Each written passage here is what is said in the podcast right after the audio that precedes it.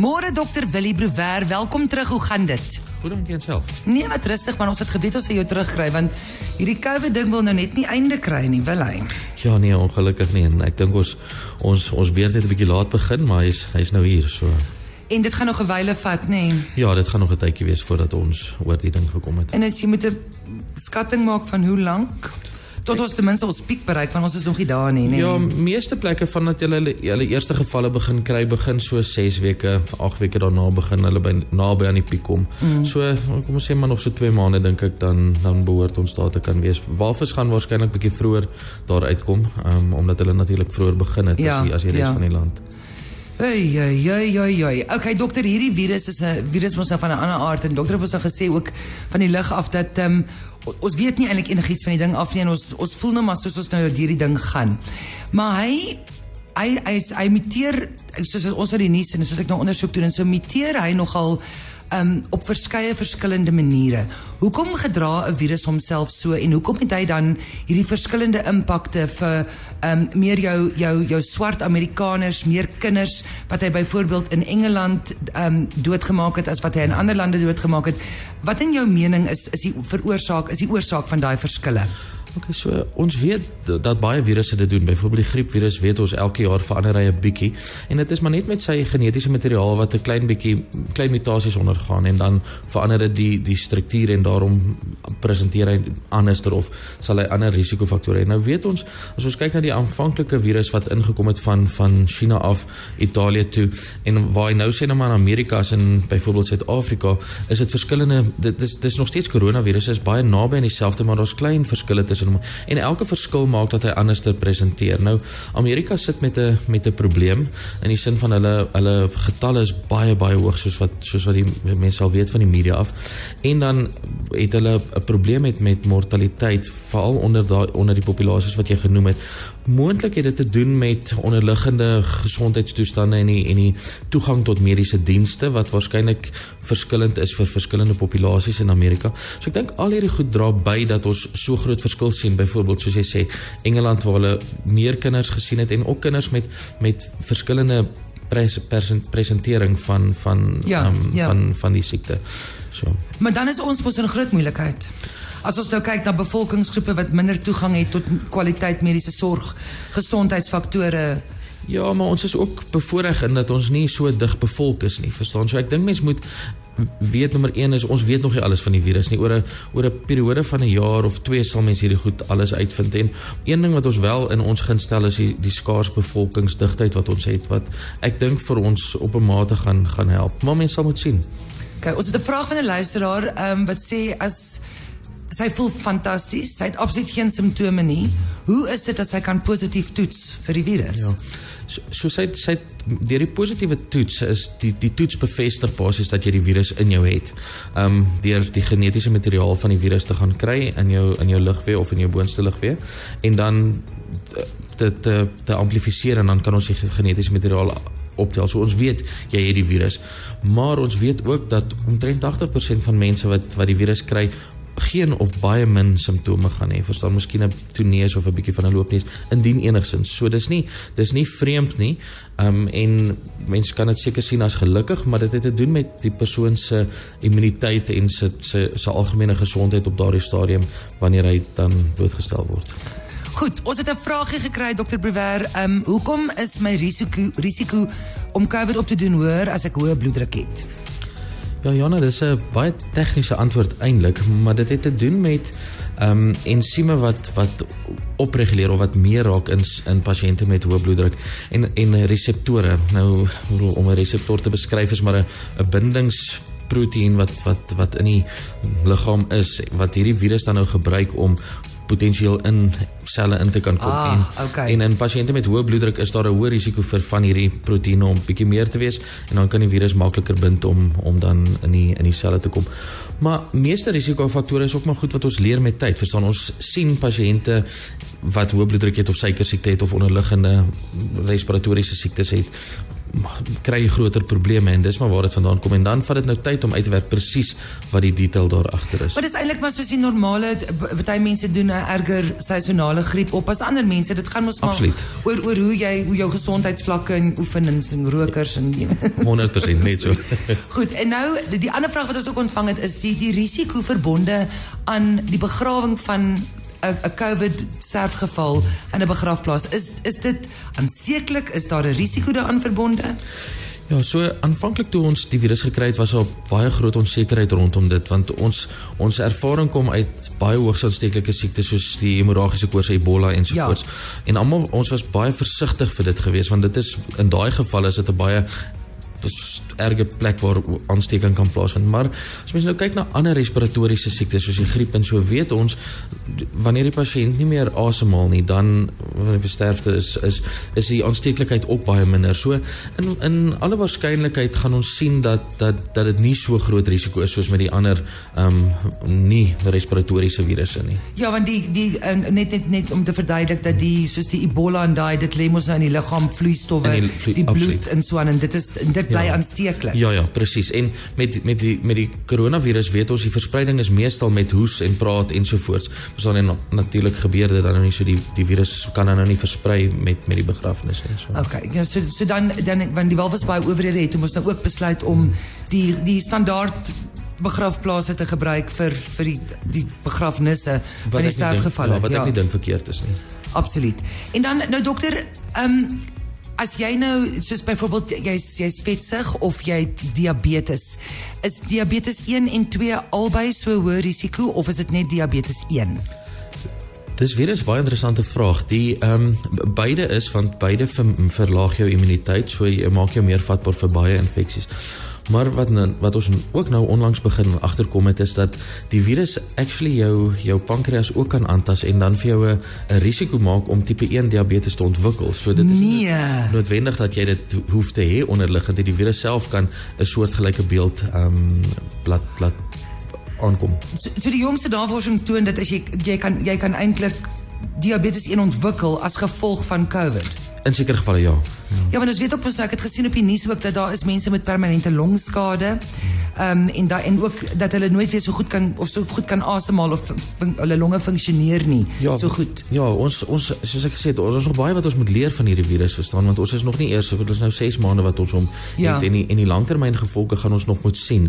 Maar die tipe van goed wat ons wat ons wel in die eerste paar gevalle begin agterkom is byvoorbeeld pasiënte wat langer sukkel met met longprobleme, asemhaling ensovoorts selfs pasiënte wat asymptomaties is, begin daar nou gevalle wees waar hulle dan sukkel om sê maar weer, hulle was fiks voor die tyd kon oefen het 'n ligte verkoue gekry en dan sukkel hulle om weer terug te kom by daar waar hulle was voor die tyd vir baie langer periodes as wat ons ja, normaalweg maak. Ja, maar ja. maar weer eens, ons gaan moet wag en sien wat gebeur oor 'n oor 'n periode van tyd. Goed dokter, ons sien nou Oxford Universiteit in Engeland maak baie goeie ehm um, uh, vordering met die enstof en hulle het nou in Lancet gepubliseer en dit lyk belovend, maar hulle sê nog steeds dat dit nie jou kanse om COVID op te doen kan verminder nie. Wat weet dokter van daai enstof tot dusver? Ja, so hy's hy's waarskynlik die enstof wat al die verder verste gevorder is in die in die kliniese proewe. So hulle is nou in fase 3 wat beteken hulle begin dit nou toets om te kyk of hy werk op die virus te kry. Nou meeste van ons enstowwe wat vir virusse is is en stowwe wat jou liggaam ehm um, soort van prime om dan 'n virus te kan aanval of te kan keer as jy die virus kry. So dit beteken nie jy gaan nie siek, jy gaan nie die virus kry nie. Dit beteken maar net wanneer jy hom kry, is jou liggaam al blootgestel aan 'n soortgelyke ehm um, aan organisme ja. en dan kan hy dan vinniger sy sy reaksie kry en hopelik dit keer voordat dit te erg raak. So dit dit sal die mikpunt daarvan wees. Oxford is nie die enigste plek nie. Daar's 'n paar ander, is Amerikaanse um, Moderna dink ek is hulle naam wat ook, wat ook al in fase 3 is en dan is daar 'n Russiese um, groep wat ook al in in fase 3 met met met hierdie um, met hulle enstof is. So hopelik iewers um, gaan ons een kry binne die volgende paar maande wat dan vir ons 'n mate van van ehm um, beskerming beskerming sal kan bied teen die virus. Hierdie ding sal seker maar word soos 'n 'n deel van jou jaarlikse spuit. Waarskynlik of daar's 'n baie groot moontlikheid dat dit kan gebeur. Um ons weet van van die koronavirusse sien ons jaarliks en dit mag wees dat toe hulle begin het dieselfde tipe van ding geplaas gevind en en laat hy met tyd nou maar net verander het na 'n jaarlikse verkoue toe wat wat mense kry. Ja. En dan so en dan immunisering as ons nou kyk na kom ons sê nou maatskappy A het nou die enstof ontwikkel en hy's nou reg om uitgerol te word. Hy's nou goedgekeur, maar nou sy gepatenteer.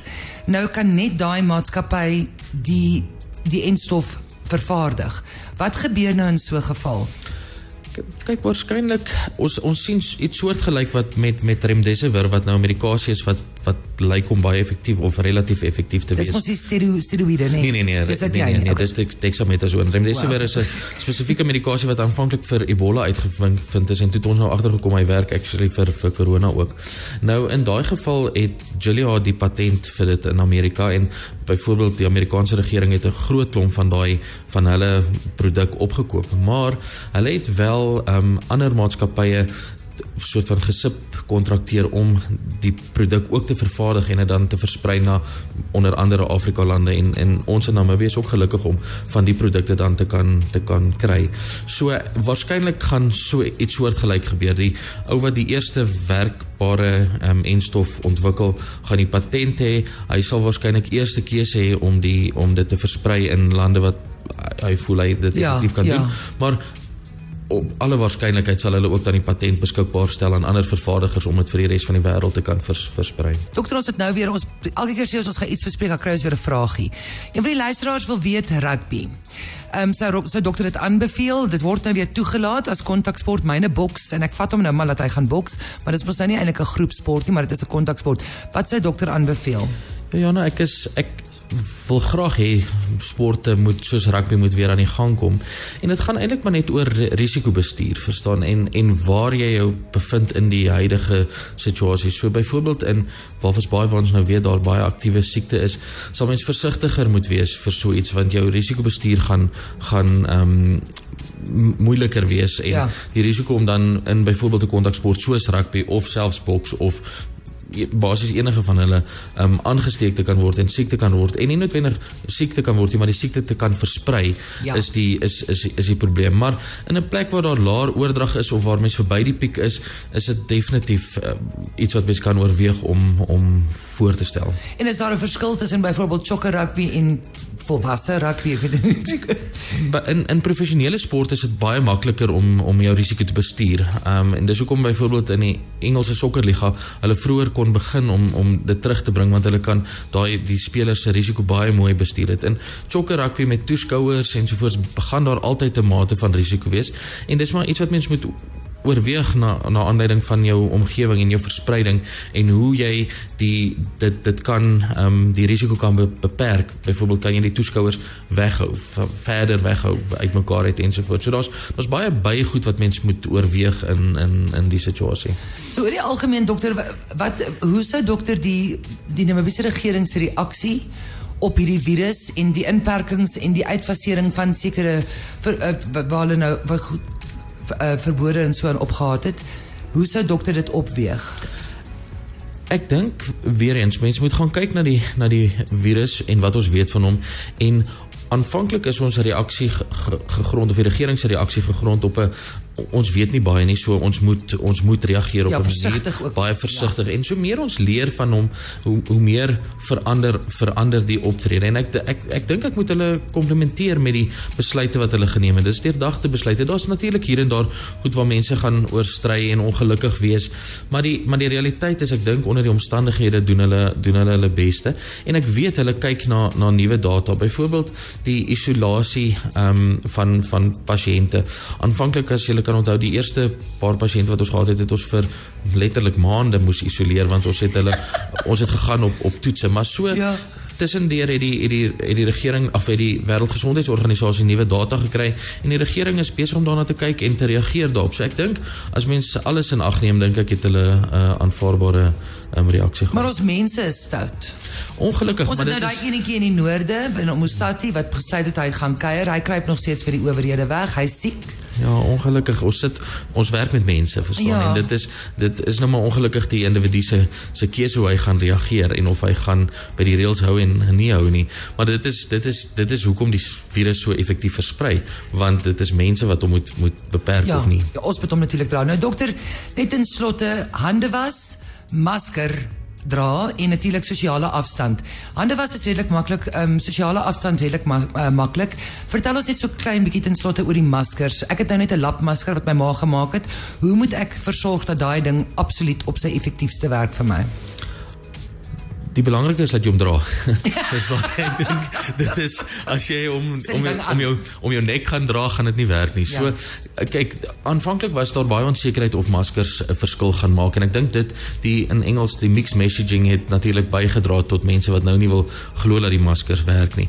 Maar as mens kyk na die huidige data, is daar genoeg wat vir ons sê maskers werk. Nou party mense hou nie van die ding nie en daar's dit is nie noodwendig maskers nie. Mens kan hierdie gesigskerms of face shields in Engels kan mense ook gebruik om om die verspreiding maar net te probeer beperk. En dit gaan eintlik maar nie noodwendig om jou te beskerm nie, maar die die populasie te Ja, beskerm en ja. en dit is maar eintlik wat ons wil regkry. Okay, so dra jou masker, was jou hande en bly weg van ander mense af. Asseblief. Dokter, verskriklik baie dankie vir jou tyd. Ons waardeer dit en sterkte natuurlik want soos hierdie ding versprei, skat ek dokter gaan baie besig raak in die Ach, volgende paar maande. Baie dankie, waardeer. 24/7 365 Kosmos wêreldwyd